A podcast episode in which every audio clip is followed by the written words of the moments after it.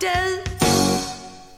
Eller möjligen ADU är podden om, av, för, i, med och till Malmö. Mm. Vi ger den till malmöiterna som en liten present på en silverbricka. Eh, vi som gör den, det är dels jag som heter Kalle Lind och sen är det ju hon den ojämförliga Oj, oj, oj. Jeanette Vante Rosengren. Mm. Är allting bra? Jag tycker det. Du har varit i tidningen. ja, det har jag. Ja. Jag är ju miljonär sägs det. Ja, det står så i en rubrik i tidningen Sydsvenskan. Mm. Och har det stått i Sydsvenskan så är det väl sant. Då är det sant. Synd Eh. jag visste inte riktigt om det innan men, eh, men nu vet jag Men det. du vet, du, du flyttade in i en hyreslägenhet en Mm. gång i tiden. Mm. Och sen så har den omvandlats längs vägen. Mm. Och så om du skulle välja att flytta därifrån Ja.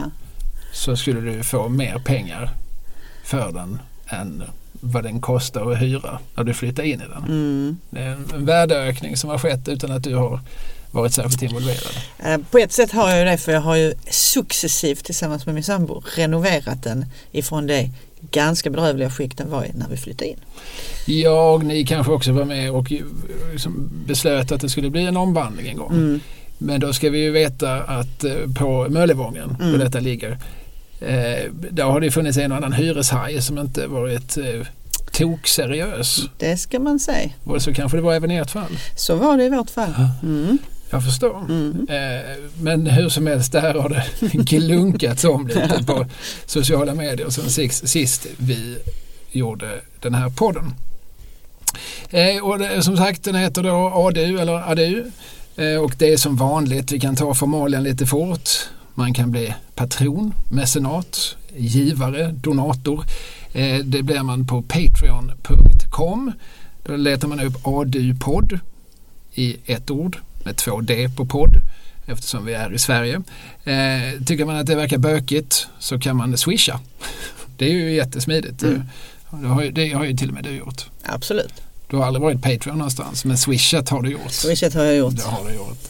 Eh, det gör man då till 123 052 1088. 123 052 1088. Då går det till Kalle Lind kulturarbete och då ser vi till att Svante får sin beskärda del av kakan. Nu vet jag inte hur mycket du behöver med tanke på, Nej, precis. på den förmögenhet du sitter på. Eh, vi kan också nämna att eh, ADU kommer go, go stage Ja. till sommaren. Det är inte klokt. Ja, så det blir väldigt spännande att se vad vi ska göra.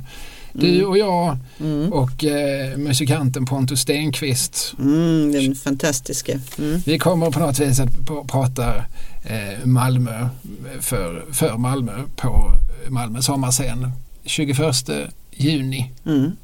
Det är gratis. För oss också. Jag, jag, det vet jag inte, det har jag glömt frågan. vi, vi förväntas inte avlägga en avgift. Ja, men, eller, Nej precis, vi behöver inte betala Nej. för det i alla fall. Så mycket, så mycket eller det är jag inte ens säker på det heller när du säger det. Ja, det återstår att se. Men då kan man alltså komma dit och se en livslevande miljonär på scen. Så här ser de ut. Precis. Titta gott folk. Nåväl, vi har fått lite mejl sen vi såg sist. Mm. Eh, vi, har ju, vi tog ju ett uppehåll i höstas och eh, nu är det här tredje programmet som vi gör 2023. Linus Nygren skriver eh, Hej på er! Riktigt roligt att ni är tillbaka. Tack, tack. Tack, tack. Eh, så, jo, jag hörde i senaste avsnittet att en lyssnare funderade över Py Engströms skulptur i grundlagen. I nuläget står den mycket riktigt på förvaltningsrättens innergård. Nu är vi alltså på Kalendergatan. Mm. Och man behöver gå igenom en säkerhetskontroll för att se den på nära håll. Men, där pratade jag om sist också, man, Mm. man kan se det genom det. men man kan ju inte gå nära den för Mm. då krävs det att man har ett ärende då. Men, skriver Linus, i samband med att både förvaltningsrätten och tingsrätten flyttar till en ny domstolsbyggnad i Nyhamnen kommer även grundlagen att flytta med. Jaså? Ny placering blir framför byggnadens huvudentré med adress Barngårdsplatsen. Men vad fint, då är den ju väldigt tillgänglig för folket. Den kommer att bli det. Mm. Den, här, den här statyn, den här ganska obskyra statyn som vi nämnde i Mm. något avsnitt för två år sedan och som nu har blivit något av en följetong. Sen skriver Ola Thorsson, god morgon. Eh, först vill jag tacka för en fantastisk och rolig podd. Trevligt, trevligt.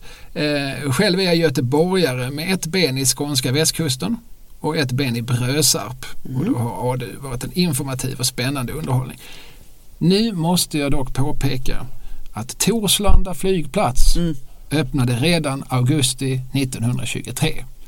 Hoppsan då. Vi pratade ju om Bulltofta i förra avsnittet och Mm. gjorde oss lite lustiga och så raljerade vi lite över att göteborgarna de fick ju säkert ingen flygplats förrän på 70-talet. Nej, just det. Men det var ingenting vi riktigt... Jag vill ändå säga att vi, vi pås, påstår inte att det var så, vi bara, vi bara antog att det var så. Det är mest raljerande. Jag tror vi hade ganska exakta datum för, för Arlanda och Bromma och det där va. Men, Ja. eh, men, men Göteborg, nej men det, Ja, vi sköt Vi- vi från får- höften. vi får eh, pudla Ja, inför detta faktum. Och sen så, det här läser jag mest för att jag tyckte det var så fin, fint eh, nick. Mm. Alltså mm, namn. Vad, säger man? Ja, ni- nickname. Mm. Eh, Glaspärlekyss. Glaspärlekyss har sänt oss ett meddelande. Jaha, eh, en, en sorts pseudonym eller Ja, precis. smeknamn? Ja. Glaspärlekyss. Ja. Ja, det var ett trevligt meddelande. Mm. We, otroligt glad att ha er tillbaka i lurarna. Eh, och vi ska väl säga att vi är otroligt glada att få vara i Glaspärlekyss lurar. ja, ja. Vi ska också eh, be så hemskt mycket om ursäkt för ljudkvaliteten. Eh, Det är någonting som eh, trilskas med, med vår inspelningsapparatur. Mm. Vi hoppas att det inte ska vara så för evigt utan bara just detta programmet. Har du någon korrespondens? Men jag har ju en, en bra sak som har hänt sen sist som jag tänkte är värd att lyfta Okej, låt höra. i denna stad. Jo, du vet ju var jag har vuxit upp. Söderkulla. Ja, Jag var på Söderkulla the other day. Jag spanade in en hamburgerrestaurang som ligger där. precis den jag ville komma till. Mhm. Mm. Rekas burgare. Exakt. Där har du varit och ätit. Yes. Och eh, då vet du också att de har blivit utsedd till Skånes bästa burgarställe Ja, precis. och sjätte bäst i Sverige. Mhm. Mm. Ja, det var därför vi tog oss dit ska jag säga. Ja, ja. Ja, men det har, det har glunkat som det ett tag. Det finns, någon, alltså det finns ju många sådana här självutnämnda eh, liksom, matexperter som far land och rike runt och proväter och så, så hittar de liksom, i Malmö där ju innerstan är smockfullt av Mm. liksom hipsterburgarhak Mm. som har karamelliserad rödlök och Mm. de har cheddarost och de har det ena och det andra och Mm. de har inte minst sötpotatis pommes frites. Eh, och så hittade de ett sånt ställe som ligger på Söderkulla och eh, det var alldeles utmärkt. Mm. Jag anar att hade det samma ställe legat i innerstan så hade det fortfarande varit lika gott såklart. Men det hade inte varit lika spektakulärt. Inte varit lika, för, för det ligger ju verkligen alltså, mitt i ett, ett som relativt medfaret miljonprogramsområde. Mm. Ja, och det, ja precis. Och jag, jag kan bara tänka när jag går förbi där att oj, där har flyttat in ett hamburgerställe i gamla Hasslingers konditori. Det är så man tänker liksom om man har... eh, mm. Alltså det var Hasslinger som, som satt där en gång i tiden. Mm. Vad var Hasslingers specialitet? Var det Budapeststubbe? Eh, Jag vet inte faktiskt. Jag var inte, det var inte så att man, man handlar mest så här chokladboll och vet, man handlar inte så mycket kakor som barn eller Nej, nej. tårtor och så. Men eh, Dammsugare ja, kanske. kanske. Mm. Mm. Ett annat brysselkex kanske. Ja, det är inte orimligt. Ja. Eh, ja, men, Men det är kul kan man tycka. Ja, nej, ja, det är jä- jätteroligt och det var så knökfullt med Mm. folk och de var dessutom ohyggligt trevliga Mm. människorna som drev det. Eh, så att eh, jag, jag pluggar gärna Rekas hur många gånger som helst men som sagt jag anar lite grann att, att den här liksom buzzen Mm. som, som har varit hänger lite grann ihop med att, att att det är så oväntat. Det, det är så sällan man rör sig i, den sortens områden och man hittar någonting bortom eh, antingen kedjorna Mm. det vill säga Coop. Eller just eh, som Hasslingers konditori, alltså någonting som, alltså eh, småföretag. eh, Det, det är ju detta också fast det, det känns eh, Ja, man åkt dit så ska ni Mm, säga att, precis. att det känns väldigt malplacé på- ett positivt sätt. Så är det ju. Alltså man kan säga också att för i, i min ungdom så både i det lilla centret där du då har varit och vid Söderkullatorget som är en bit därifrån. Där fanns ju hur mycket som helst. eh, Post och bank och blomsteraffär och ja, men, ett- Ica och Coop och, och Skivesset och det ena med det andra. Men allt det där är ju borta. Nu finns det så här fastighetsmäklare och en pizzeria istället Mm. ungefär. Så att allt som har varit centrum har ju mer eller mindre dött. Och det roliga är ju att ett sånt här ställe hjälper ju nu till att eh, lyfta. De har ju också en sig folk köttbutik. till Söderkulla. Ja precis, Mm. runt hörnet så hade ju, fanns ju också Rekas kött. Mm. Ja, detta är ett icke ett betalt samarbete. Ja, det vill säga. jag också verkligen understryka.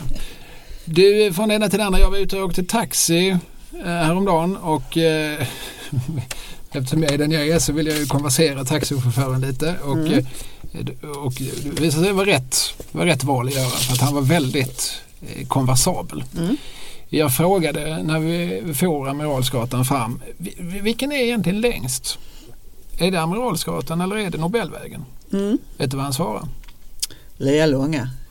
Han svarade Sallerupsvägen.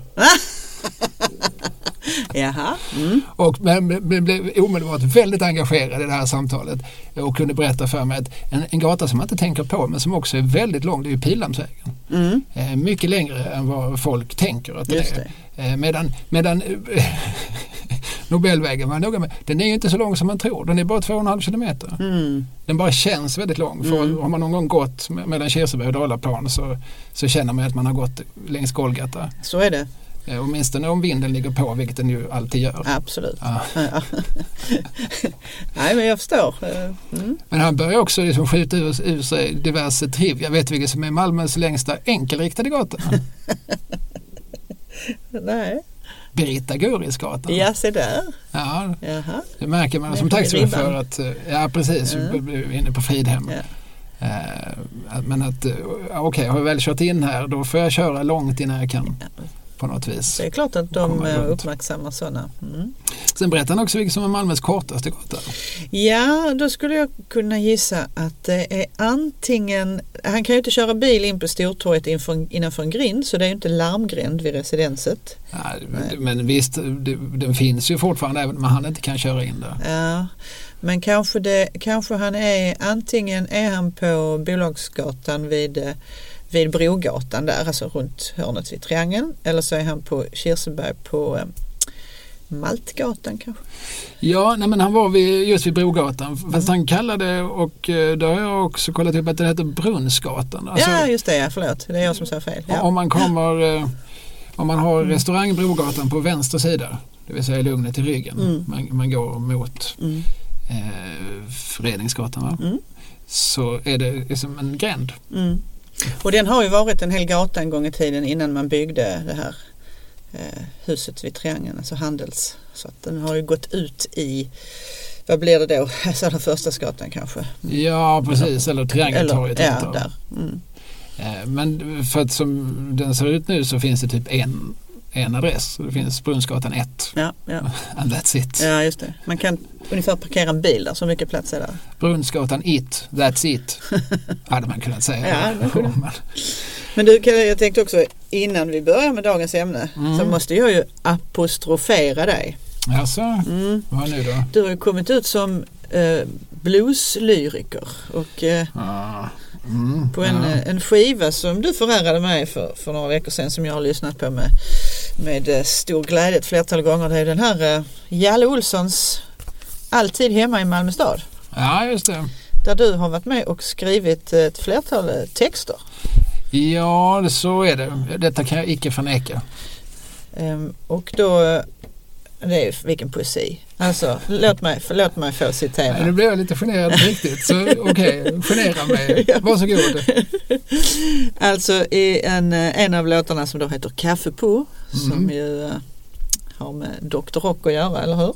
Mm. Hör här. Krukor i varje fönsterkarm, hör det sjunga i min kaffetarm. Och så lite senare. Solen dansar över västers tak, Limhamnsvägen ligger platt och rak. Mm. Alltså vilken Malmölyrik. Ja, men det var min ambition.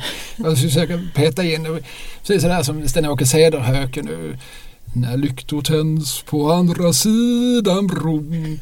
Och sådär, liksom, man- får med liksom gamle Evert vid sin svarv och han ser ljuset ifrån röda sken. Jag vill ha in liksom samma sorts liksom, pornografi, Mm. Malmö-pornografi.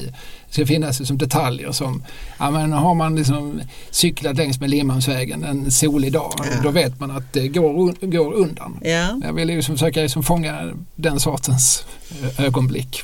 ja, men det har du ju lyckats oerhört väl med och då tillsammans med Jalles musik. Va? Men sen så är det också så att du har kommit ut som fotbollslåtstextsförfattare. Nej, vad var oddsen? Det, det är sånt man kan bli om man, har, om man får barn. Då plötsligt så, så, så får man en sorts relation till saker man inte trodde att man kunde bry sig om. Och det roliga är ju också att du som är kanarieful, du har skrivit en låt om Malmö FF i. Låta bollen trollas. Mm. Ja, nej, men det här samarbetet går ju till lite grann så att Jalle som är en, som en fantastisk man eh, på många sätt och vis och som ju också då har haft ett band som heter Buckaroos Mm. som, eh, som har funnits i alla tider och eh, som har hållit grytan kokande på många Malmöfestivaler och sådär. Eh, han, eh, ja, men han kommer med ett uppslag. Han eh, har hittat någon gammal någon Cajun-låt eller någon Sudeko-låt eller så här som, ja, det, eh, det låter lite som att han sjunger så här i originalet. Skulle man kunna göra någonting på det?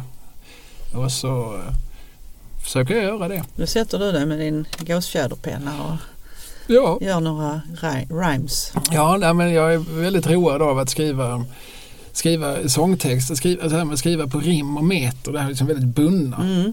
För att eh, det finns inte så många vari- varianter. Eller det kanske det finns men, men eh, man vet liksom definitivt när man är färdig. Mm.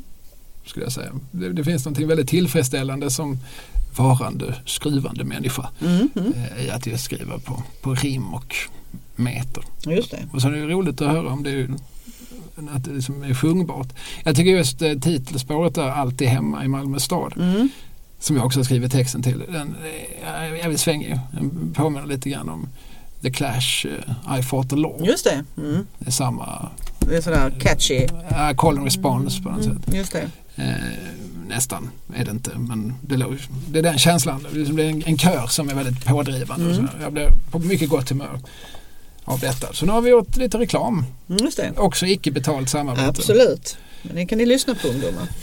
Jag började prata om det här med taxichaufförer. Jag var egentligen liksom tänkt, jag hade en tanke att det skulle Mm. vara en segway. så Jag förstod det. Eh, för att eh, är det några Mm. som har frekventerat Mm. dagens ämne eller platsen som är dagens ämne så är det ju våra taxichaufförer. Så är det.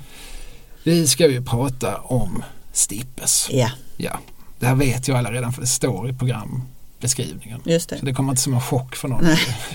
Jag försökte trumma upp Ja. lite stämning. Nu gott folk. Så. Men det här har ni ju redan sett i, eh, på poddplattformen. Mm. Vad är Stippe Svante? Ja men Stippes, eh, vi ska väl börja med att säga att Stippe själv har ju lagt sin stekspade.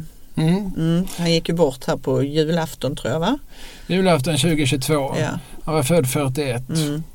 Så att, eh, Lite över 80, 81 81, år ja. någonting sådär ja. mm. Och han eh, kom ju till Malmö i mitten på 60-talet tillsammans med en kamrat. 1965 kom han hit. Ja.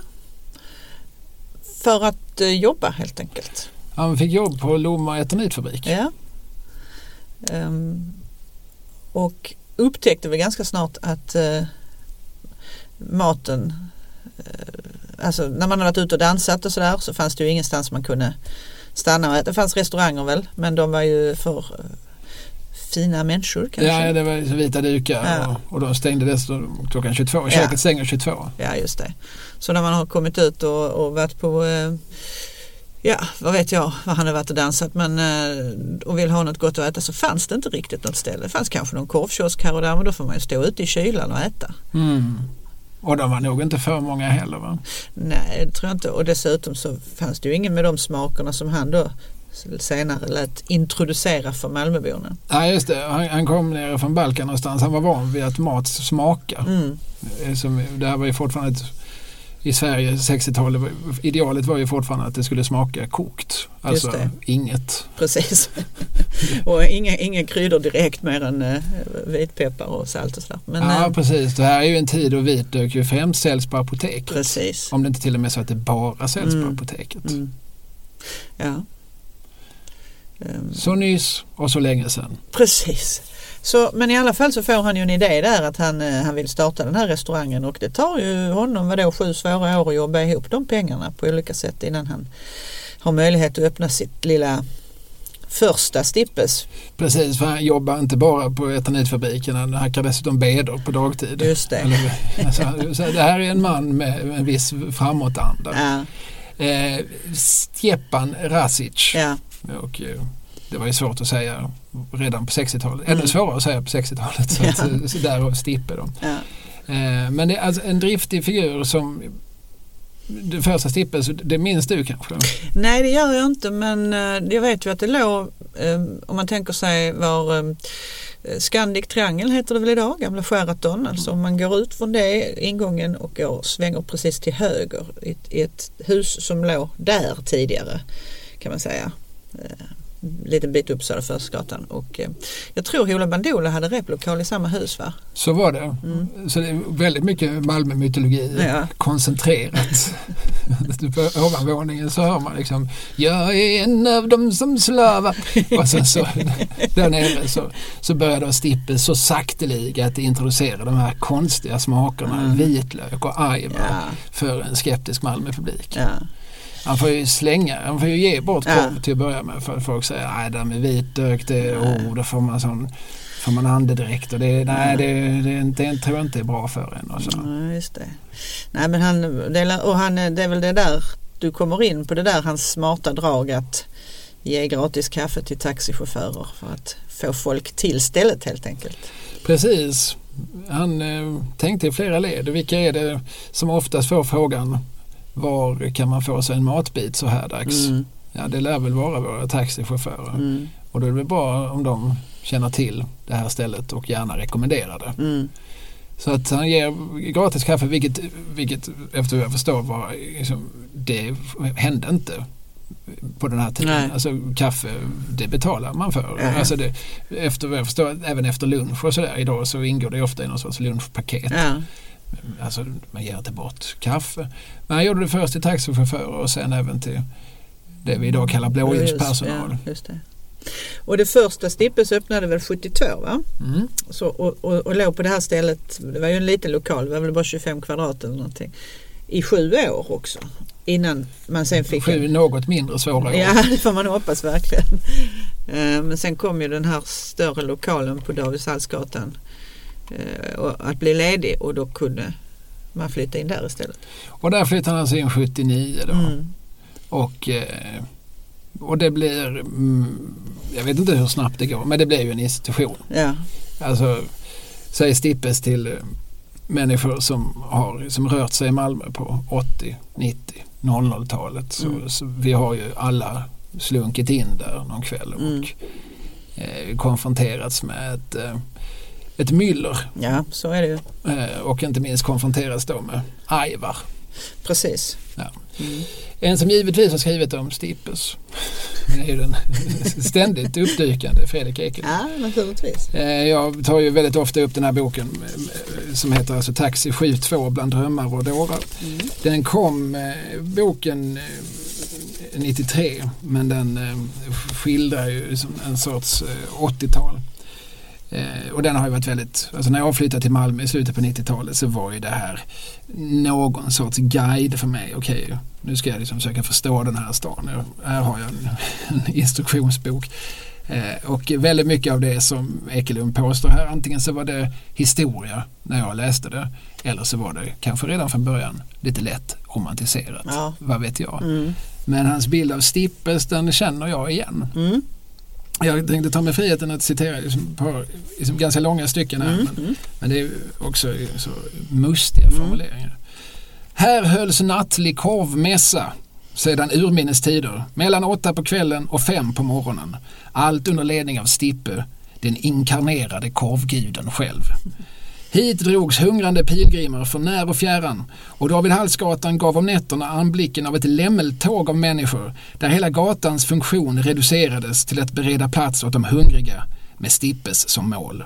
Korvguden själv stod bakom den inre relingen framför spisarna och överblickade skådespelet samtidigt som han med sitt minne, ingen diskett, en mänsklig hårddisk.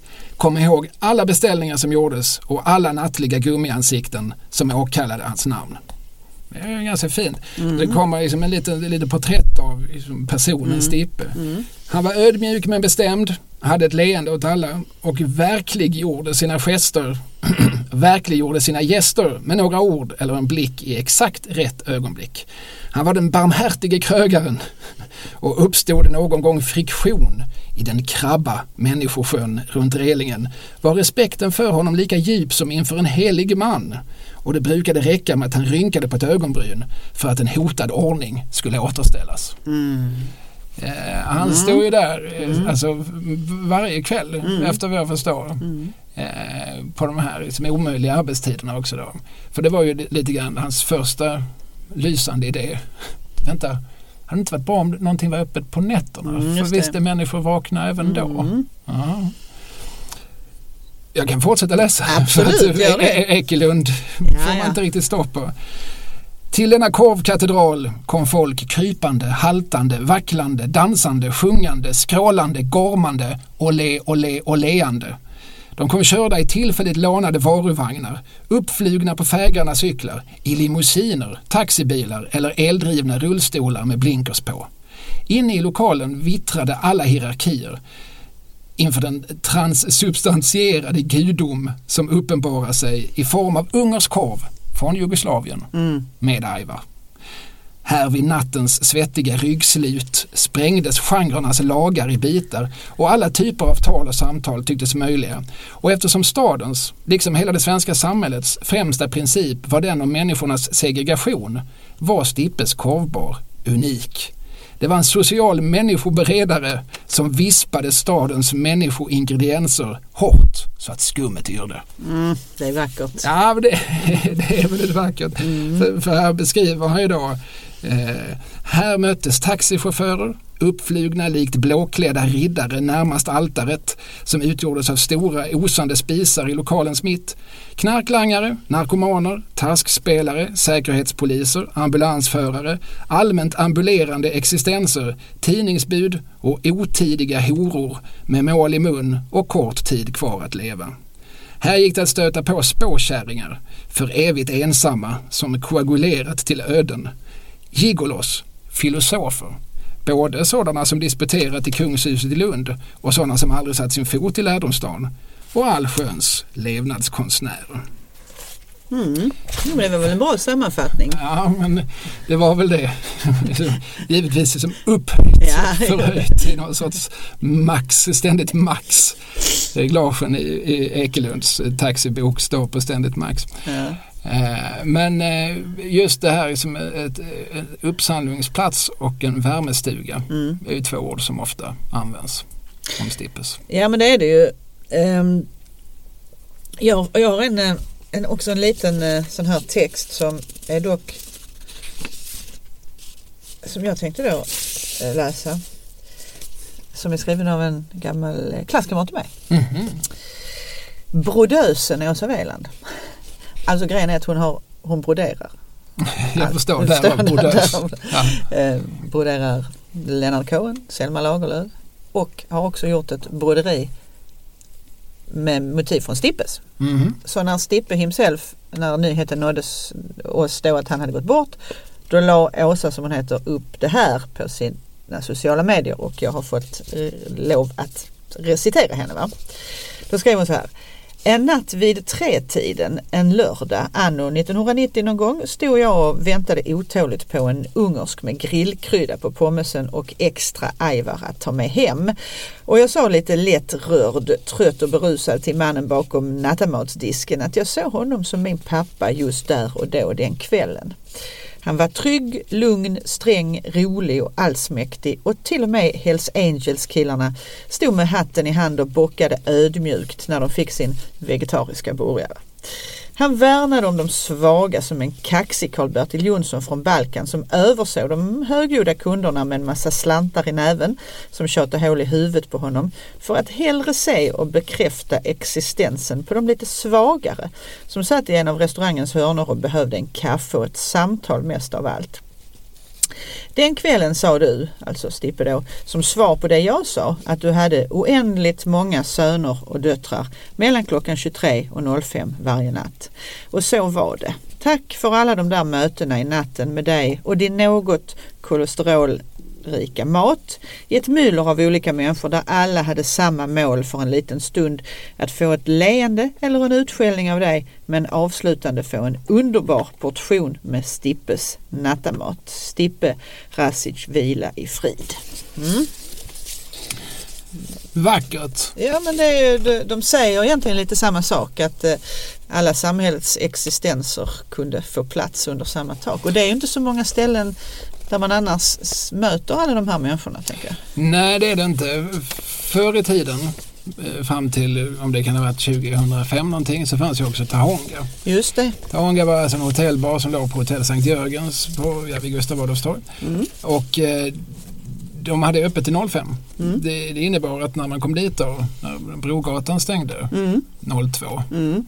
Eller först stängde Möllan mm. 01.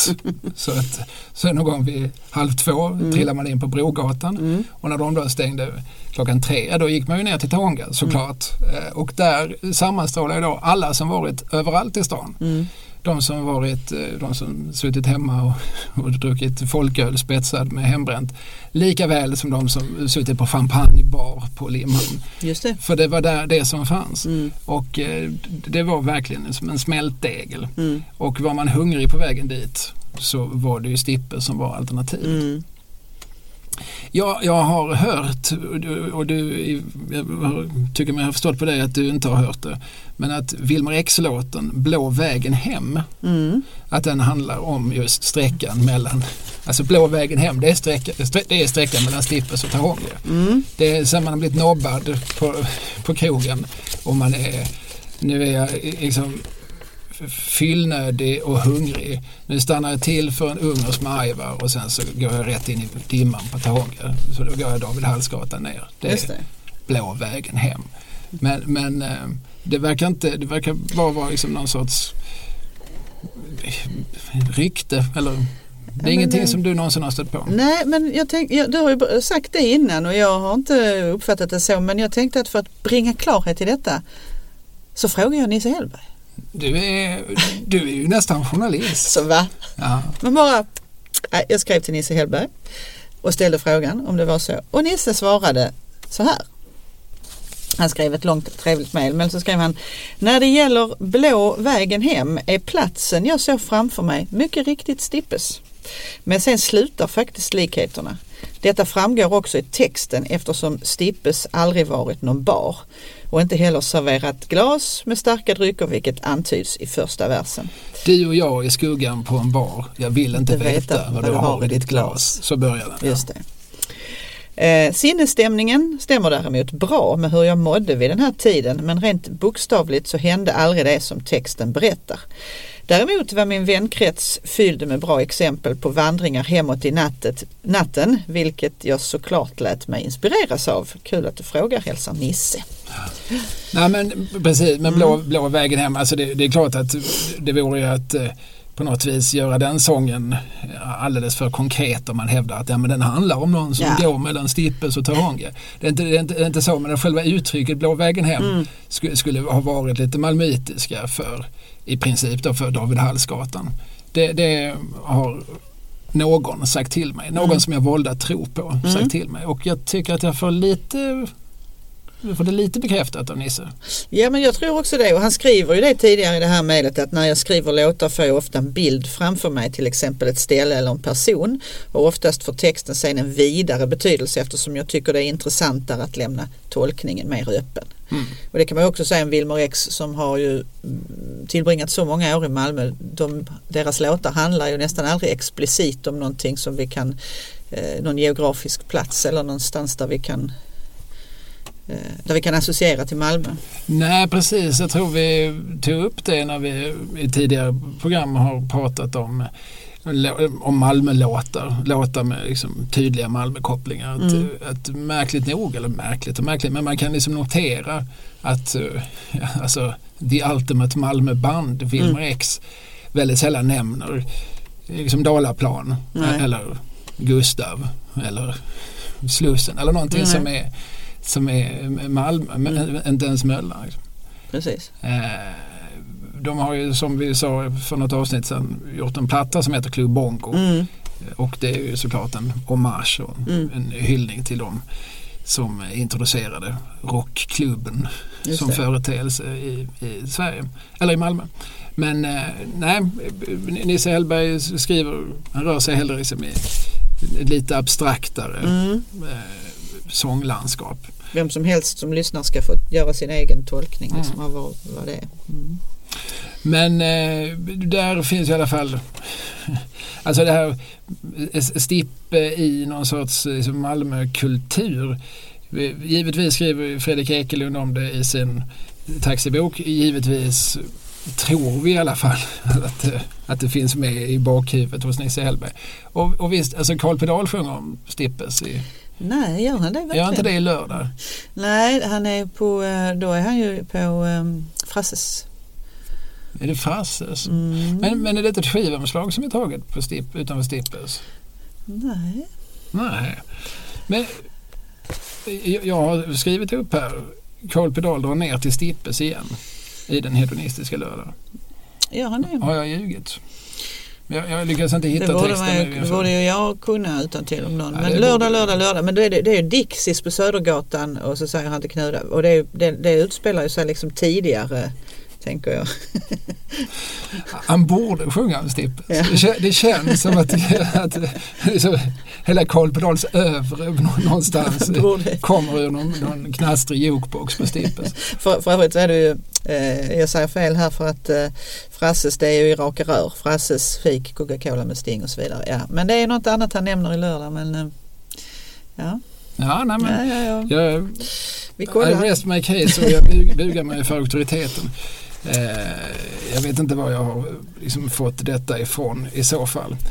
Men eh, som sagt, det här liksom med värmestuga är i alla Mm. fall någonting som väldigt ofta kommer igen när Just det. folk eh, minns Stippes.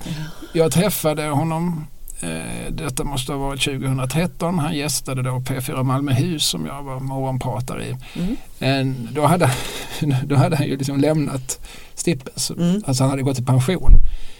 Eh, Och så frågar vi, men är du där någonting? Ja men ibland. Ja, vad betyder ibland? Ja men det, det är ju varje dag. Mm, mm.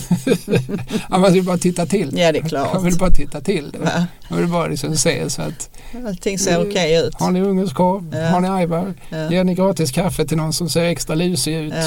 Ja. Eh, och ni låter dem sitta här och så Mm. för att de har också rätt att finnas. Mm. Eh, men en, en människa som, eh, som å ena sidan, alltså, alla de här eh, omdömena från din gamla klasskamrat eller från eh, Fredrik Ekelund, eh, numera Marisol, eh, handlar ju, det är ju en auktoritet som beskrivs. Mm. Det är ju en människa som eh, vi, eh, vi litar på, lyssnar på och Mm. lyder. Ja absolut. Men det, är också, det kommer också liksom fram den här liksom, eh, liksom ganska robusta, handfasta människokärlek som, som innebär att ja, men här, här kommer någon som, som livet har farit hårt fram Ja. emot och som, eh, som troligen inte har någon annanstans att vila sig i natt. Så, så låt, det må vara att han luktar lite, Ja. men låt honom sitta där i hörnet och sova Ja. några timmar. Och- och Det är klart att han ska få en kopp kaffe för att vi har fler. Men precis, och jag tänker att eh, många gånger man var där så var det ju framförallt som jag tänker på David Larsson, alltså som ju Malmöborna kallade ibland för Dinge-David, alltså konstnären och ehm, som, som ju eh, var en inkarnation av allt det där du sa. Precis. Han satt ju ofta där på Stippes och sov där ibland, liksom lutad av han. Men Precis, var skulle han ha varit annars? Han fick ju eh, någonting att äta och någonting att dricka och ha lite varmt omkring sig och eh, människor som också eh, florerade där och kanske till och med pratade med honom ibland. Mm. Det är en social institution. Eller var i alla fall då, jag vet inte hur det är nu. Nej, nej vi, vi, när, vi, när vi nu pratar om Stippes så Ja. pratar vi ju rätt mycket om Stippes, Stippes. Ja, just det. Eh, och han pratar om sig själv i olika intervjuer jag läste också. Ja, men det, det, vi är ju lite grann vi en blandning av kuratorsinrättning Mm. och socialkontor och lite ambulans. Då hämtar man för posta om någon lite. Mm. Alltså, så här, Lånar säkert ut lite pengar ibland också. det hände säkert. För att, utan, att, eh, utan att påstå någonting så, kan jag tänka mig att vissa av de sedlar som kom till andra sidan disken att de kanske inte hamnar omedelbart i kassaapparaten. För ibland måste man bara lägga dem lite åt sidan så länge. Mm. Och sen kan det bli så att det blir liksom lite knepigt med redovisningen. Att ska ja, det, vi, vi lägger dem i ett särskilt, särskilt litet skrin för, för eventuella utgifter. Och de Mm. eventuella utgifterna kunde mycket väl vara just att Ingen David alldeles uppenbart inte kunde betala hyran den här Mm. månaden heller. Just det. Det så kallade obskontot. Precis, det här är ju bara någonting. Det här, är- jag vill absolut inte sitta och, och, och eh, påstå någonting men det, här, är- det, är- det är en bild jag har och som jag inte har gripit ur luften men som jag Mm. absolut inte heller har fått verifierad någonstans. Nej, just det. Eh, 2006 om vi ska säga någonting, eh, liksom, om vi inte bara ska sitta och hylla eh, eh, Stippe så kan Mm. vi påminna om att 2006 så beslagtog polisen ett gäng olagliga spelautomater från Stippes. Ja, ja, ja, det var så. Mm. Ja. Det, det är inte det värsta brott man kan göra sig skyldig till, tycker varken jag eller folkmun Nej. eller menigheten. Men, men eh, det kan säkert ha varit så att för att kunna, alltså det blir ju någon slags alternativ ekonomi på Mm. sånt här ställe Mm. också. Eh, det, det är inte så himla noga att, att just staten får se varje peng. För att det, här går ju till någonting som är till allas, alla, alla vi som är här, vi drar ju nytta av de här pengarna. Och det, hjälper till att skapa som en eh, Mm. unik plats. Absolut. Eh, Jag var ju inför det, jag, jag måste erkänna att det var ju en hel del år sedan jag var på Stippes. Mm. Därför att eh, det är inte så ofta längre som jag blir hungrig så sent på natten. Nej, just det. Och blir du det så, Så- har du inte så långt till skafferiet. Nej, det just gäller det. dig närmare dit. Eh, precis, så att jag gick dit och åt häromdagen. Och eh, det var ju, eh, jag kan säga så här, den här jag är ju fortfarande mätt. Mm. Eh, för den här tallriken den kunde ju lätt eh, ha mättat 7-8 Kockumsarbetare kan man säga. Eh, men när jag var, var på Stippes och åt mina kycklingbitar med eh, diverse goda tillbehör så såg jag också att man hade ju tejpat upp, jag minns den här gamla reklamkampanjen från den tiden när den var aktuell. Men nu hade man ju liksom mer dratt kopior och satt upp de här eh, Ja det här är, jag håller en bild eh, för dig Kalle nu. Det är en, eh, din gamla kompis ju på bilden. Det är Tommy Köris. Ja, visst. Och, Och så står det, jag har också gått över till ungersk. ja. Och så är det där Stippes och så står det då adress och så står det att det är öppet 11 till 05 varje dag som det var på den här tiden. Det här är från mitten på 80-talet. Mm. Ja, det ser jag på Tommy Köris frisyr och på hans, också på hans insjunkna kinder. Just det. Eh, och det var inte bara Tommy som var med på den här reklamkampanjen utan en annan profil som jag håller upp för dig här. Nu ska vi se om du kan se vem det är. Eh, Du som nu har det- det kommit ut det är som ju- fotbolls... Det är ju någon sport, är det Anders Limpar? Nej, vem är det? Alltså det jag känner igen honom som, som fotbollsspelare. Ja. Från min, alltså, nej, jag kan inte säga namnet. Han eh, Han har Björn Borg-frilla, Mm. Ben Strömberg-frilla. väldigt eh, snygg tyckte man i min, eh, många med mig i min ungdom som man cyklade utanför hans bostad fram och tillbaka, fram och tillbaka för att kanske kom han någon gång ut. Alltså det gjorde man. Ja, Ja, Micke Rönnberg, ja, ja. ja. fotbollsspelare i Malmö FF, kom dock från Stockholm. Jag känner ju igen honom nu från Åsödens BK. Just det, För det är väl han som spelar Anders Sjögren, Ja. stockholmaren som kommer till, till Åsödens BK som kommer från division 3. Just det. Och som de värv, den första värvningen de gör i Åsödens BK. du kan ju dina fotbollsserier. Jag har ju noterat att du sitter och dricker ett Ja. Ås- Åsödens BK-glas. Ja, Ja. det är eh, fint det där. Och eh, Rönnberg var en sån här teknisk spelare ju som kunde du vet slå hörnor med, som Mara- Maradona-vis med ena foten bakom den andra. Eh, och han var också, stack ju ut utseendemässigt från alla de andra killarna i laget. De hade lite sådär kortklippta ordentliga och så kom han den här snygge med det långa håret och mustaschen och, och blev genast omslagspojke för Stippes. Va? Mm. Han har gått över till ungersk, står det här också på bilden. Sen har vi en kock som jag inte riktigt känner till. Som var årets kock då i mitten på 80-talet. Eh, Mats någonting. Jag Ja. vet inte om han är bekant för dig. Eh, nej, alltså kändiskockar har aldrig varit mitt starkaste. Jag kan mest Werner Fögeli. Och, Ja och det är inte, det är inte den här eh, alls.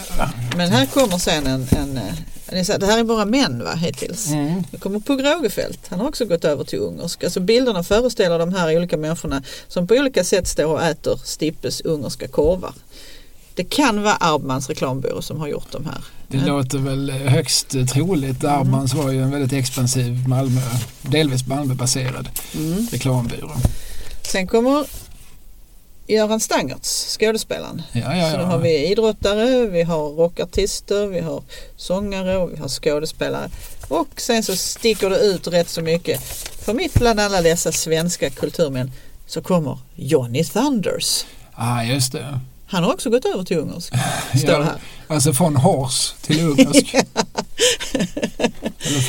Man kan ju hoppas det. Det var, väl, det var väl någon period där när han var ren och bodde i Sverige och fick barn med någon i, på, i Hägersten. Var det inte så? Mm, jo, han var ju absolut bosatt i Sverige ett tag. Jag vet inte hur ren han var men, men eh, förhoppningsvis en smula i alla fall. Men det är en klassisk rockpose och så har han då i ena handen det här sånt där eh, vitt eh, typiskt som man fick mos och korv i förr i tiden. Sådana pappfat. Alltså, vitt, alltså ett vitt pappfat. Ja, just det, var inte något annat vitt. Nej, jag ska vara noga med det. Ja, det var noga med. Eh, Men, eh, men visst är det fantastiskt. Ja, det är det. Det, ja, det, det är så mycket 80-tal över det här Ja. på något sätt. Eh, 80-tals Malmö som på ett vis var både mindre och större. Ja, Idag. Ja, men det, det fanns så få ställen och de, men de ställena de drog ju till sig de som fanns på något sätt. Även då Stippes. ja men, jag, som ju, det är ju ett vanligt gatukök. Alltså, Ja. Eller det är ju en vanlig hamburgerrestaurang. Idag går det ju 13 på dussinet. Då fanns det en i, i Malmö. så är det.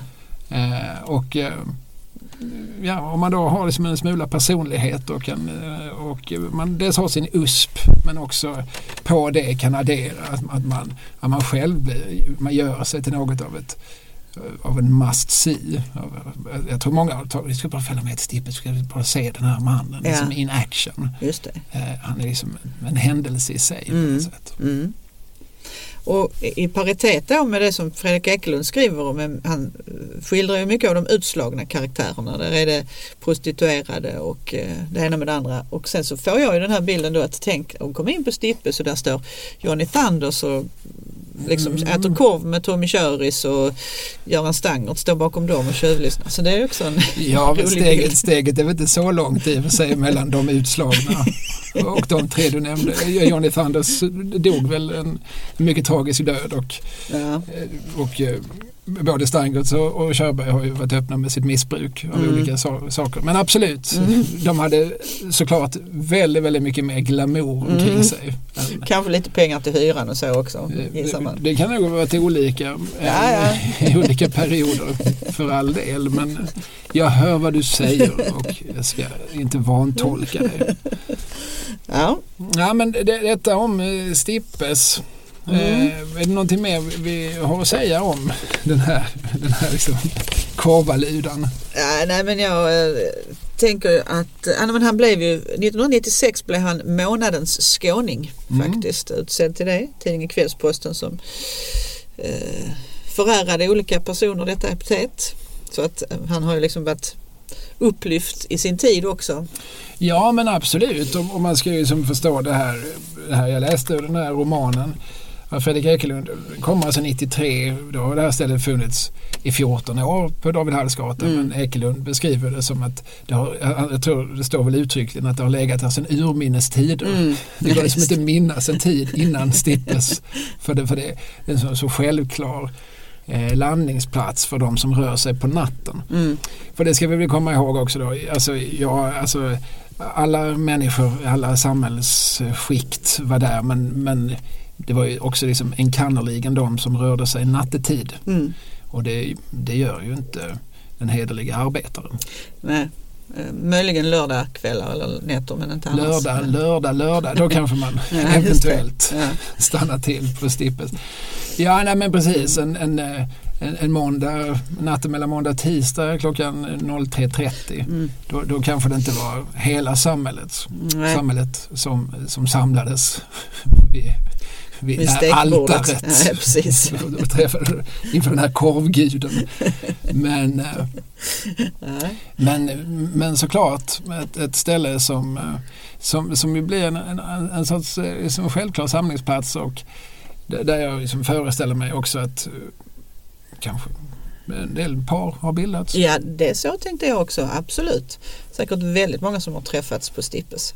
Ja, de, de kanske träffades innan men det var Ja, där. de, det tog, tog fyr där liksom på något sätt, ja. Ja, nu, Över kabanossen. ja precis, ska vi gå på tåg eller ska vi lika gärna ska vi gå hem direkt? Mm, mm, precis. Nej men jag tänker, jag har ju ett, eh, ett roligt minne som har väldigt lite med Stippes att göra egentligen men jag kom ut från, tänker så här, det är, det är lördag och man är ung och man har varit ute och festat och så har man ätit sin korv och sen går man ut från Stippes och ska ta sig hem och, och då låg där precis till höger om så låg där någon sorts ja, tobaksaffär eller i alla fall så var det någon som var ute där och eh, bytte eh, löpsedlar. Du vet. Eh, Mm. Många så här Var detta en lördag i februari 86? Nej, det var det inte. Nej. Det skulle det ha kunnat vara. Det var, ehm, det var nog tidigare faktiskt, några år tidigare. Men då så var det så här att det kom upp en Kvällsposten-löpsedel och då stod det så här att, eh, ja det var väldigt spektakulärt, jag minns inte exakt rubriken men eh, det gick ut på att Gene Simmons i, i, i gruppen Kiss Mm, mm, mm. hade haft ihop det med Liv Ullmann. Oj, Och då hade de bildsatt detta med två bilder. Den ena var på Gene Simmons i fullt ornat, alltså med bloddroppande tunga och du vet hur hans sminkning såg ut. absolut. Mm. Och bredvid då så var det en bild på Liv Ullmann när hon var Kristina i Utvandrarna. Ja, de ville på något vis göra dem så olika varandra det bara gick. Som om, det inte var, som om inte det här redan från början var en oväntad kombo. Alltså den högt uppburna filmskådespelaren och, och Gene Simmons som idag för tiden som ansågs vara liksom någonting ganska trashigt. Ja, ja. Men om vi då dessutom tar dem när de är som mest utspökade i varsin riktning. Eh, Det var en, eh, tyckte jag var en förslagen löpsedelsmakare. Man kommer ut från Stippe sådär och är lite, ja har varit på en, haft en rolig kväll och så första man ser är det här. Jag blir munter fortfarande när jag tänker på den löpsedeln. Och det var inte ens så att de var ihop vid tillfället utan det, de hade varit ihop flera år innan om de ens de hade dejtat lite. Men det där var ju som att nu hade man upptäckt det och så hade det gått tio år eller någonting. Ja. Jag visste inte det att Liv Ullmann var en av de 6000 eller 7000. Jens lär ju ha Ja, fo- foton och eh, namn på dem alla i ett, ett arkiv. Jaha. Det säger Är, det, är det tillgängligt i arkivet? Eller det? Tror jag inte. Inte ja, han kanske kommer att donera den då. Till, till någon. Men, men förmodligen lägger någon, någon sådär embargo för att öppnas hundra år efter hans död. just det. Eh, Men tänk om man fick leva då och se Mm. om man känner igen mamma. Eller vem man känner igen. just det. Nåväl, nej, nej, som du sa, den historien hade bara associativt med Stippes att göra. Exakt. Men absolut, jag blev, jag blev lite munter av, av tanken på liv och gin. Eh, ja. Nåväl, eh, vi, vi har eh, som tecknat förhoppningsvis någon sorts bild av en, av en Malmöinstitution som, eh, som fortfarande finns men som kanske ändå inte riktigt finns. Inte på samma sätt kanske. Nej, jag säga jag var också åt där för lite sedan. Mm. Jag hade samma intryck som du att, att här, här blev man mätt. Mm. Jag, jag tog dessutom, det stod allting. Mhm. Man kunde ta, få den med svamp och med, Mm. det var en, en macka då. Man kunde Mm. få den med svamp eller med ägg. Man kunde också Oh. få den med allt. Jaha, men ah, är det champinjonmackan? Ja, med allt. Ja, ja. Också, också Ja, även, ägg Mm. och förmodligen skinka och Mm. kanske bearnaisesås och kanske ajvar. Och kanske en brittårta. och, och kanske en tårta. Och kanske ja, en budapestugn den också. Vad vet jag. Den gjorde gott i lindiska kroppen. Absolut. Mm. Den, den, den gav, gav mättnad. Mm.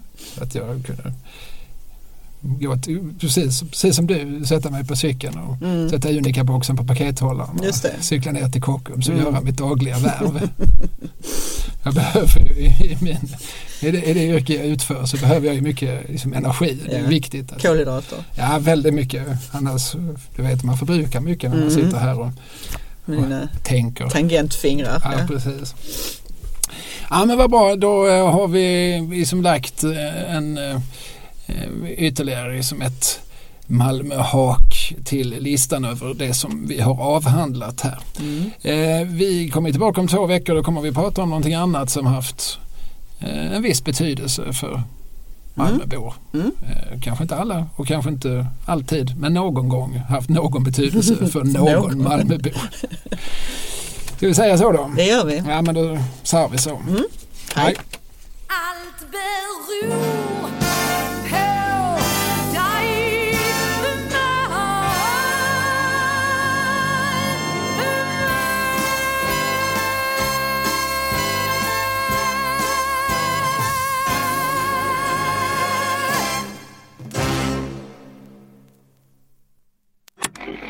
Programutsändningen presenterades av Kalle Lind, kulturarbetare AB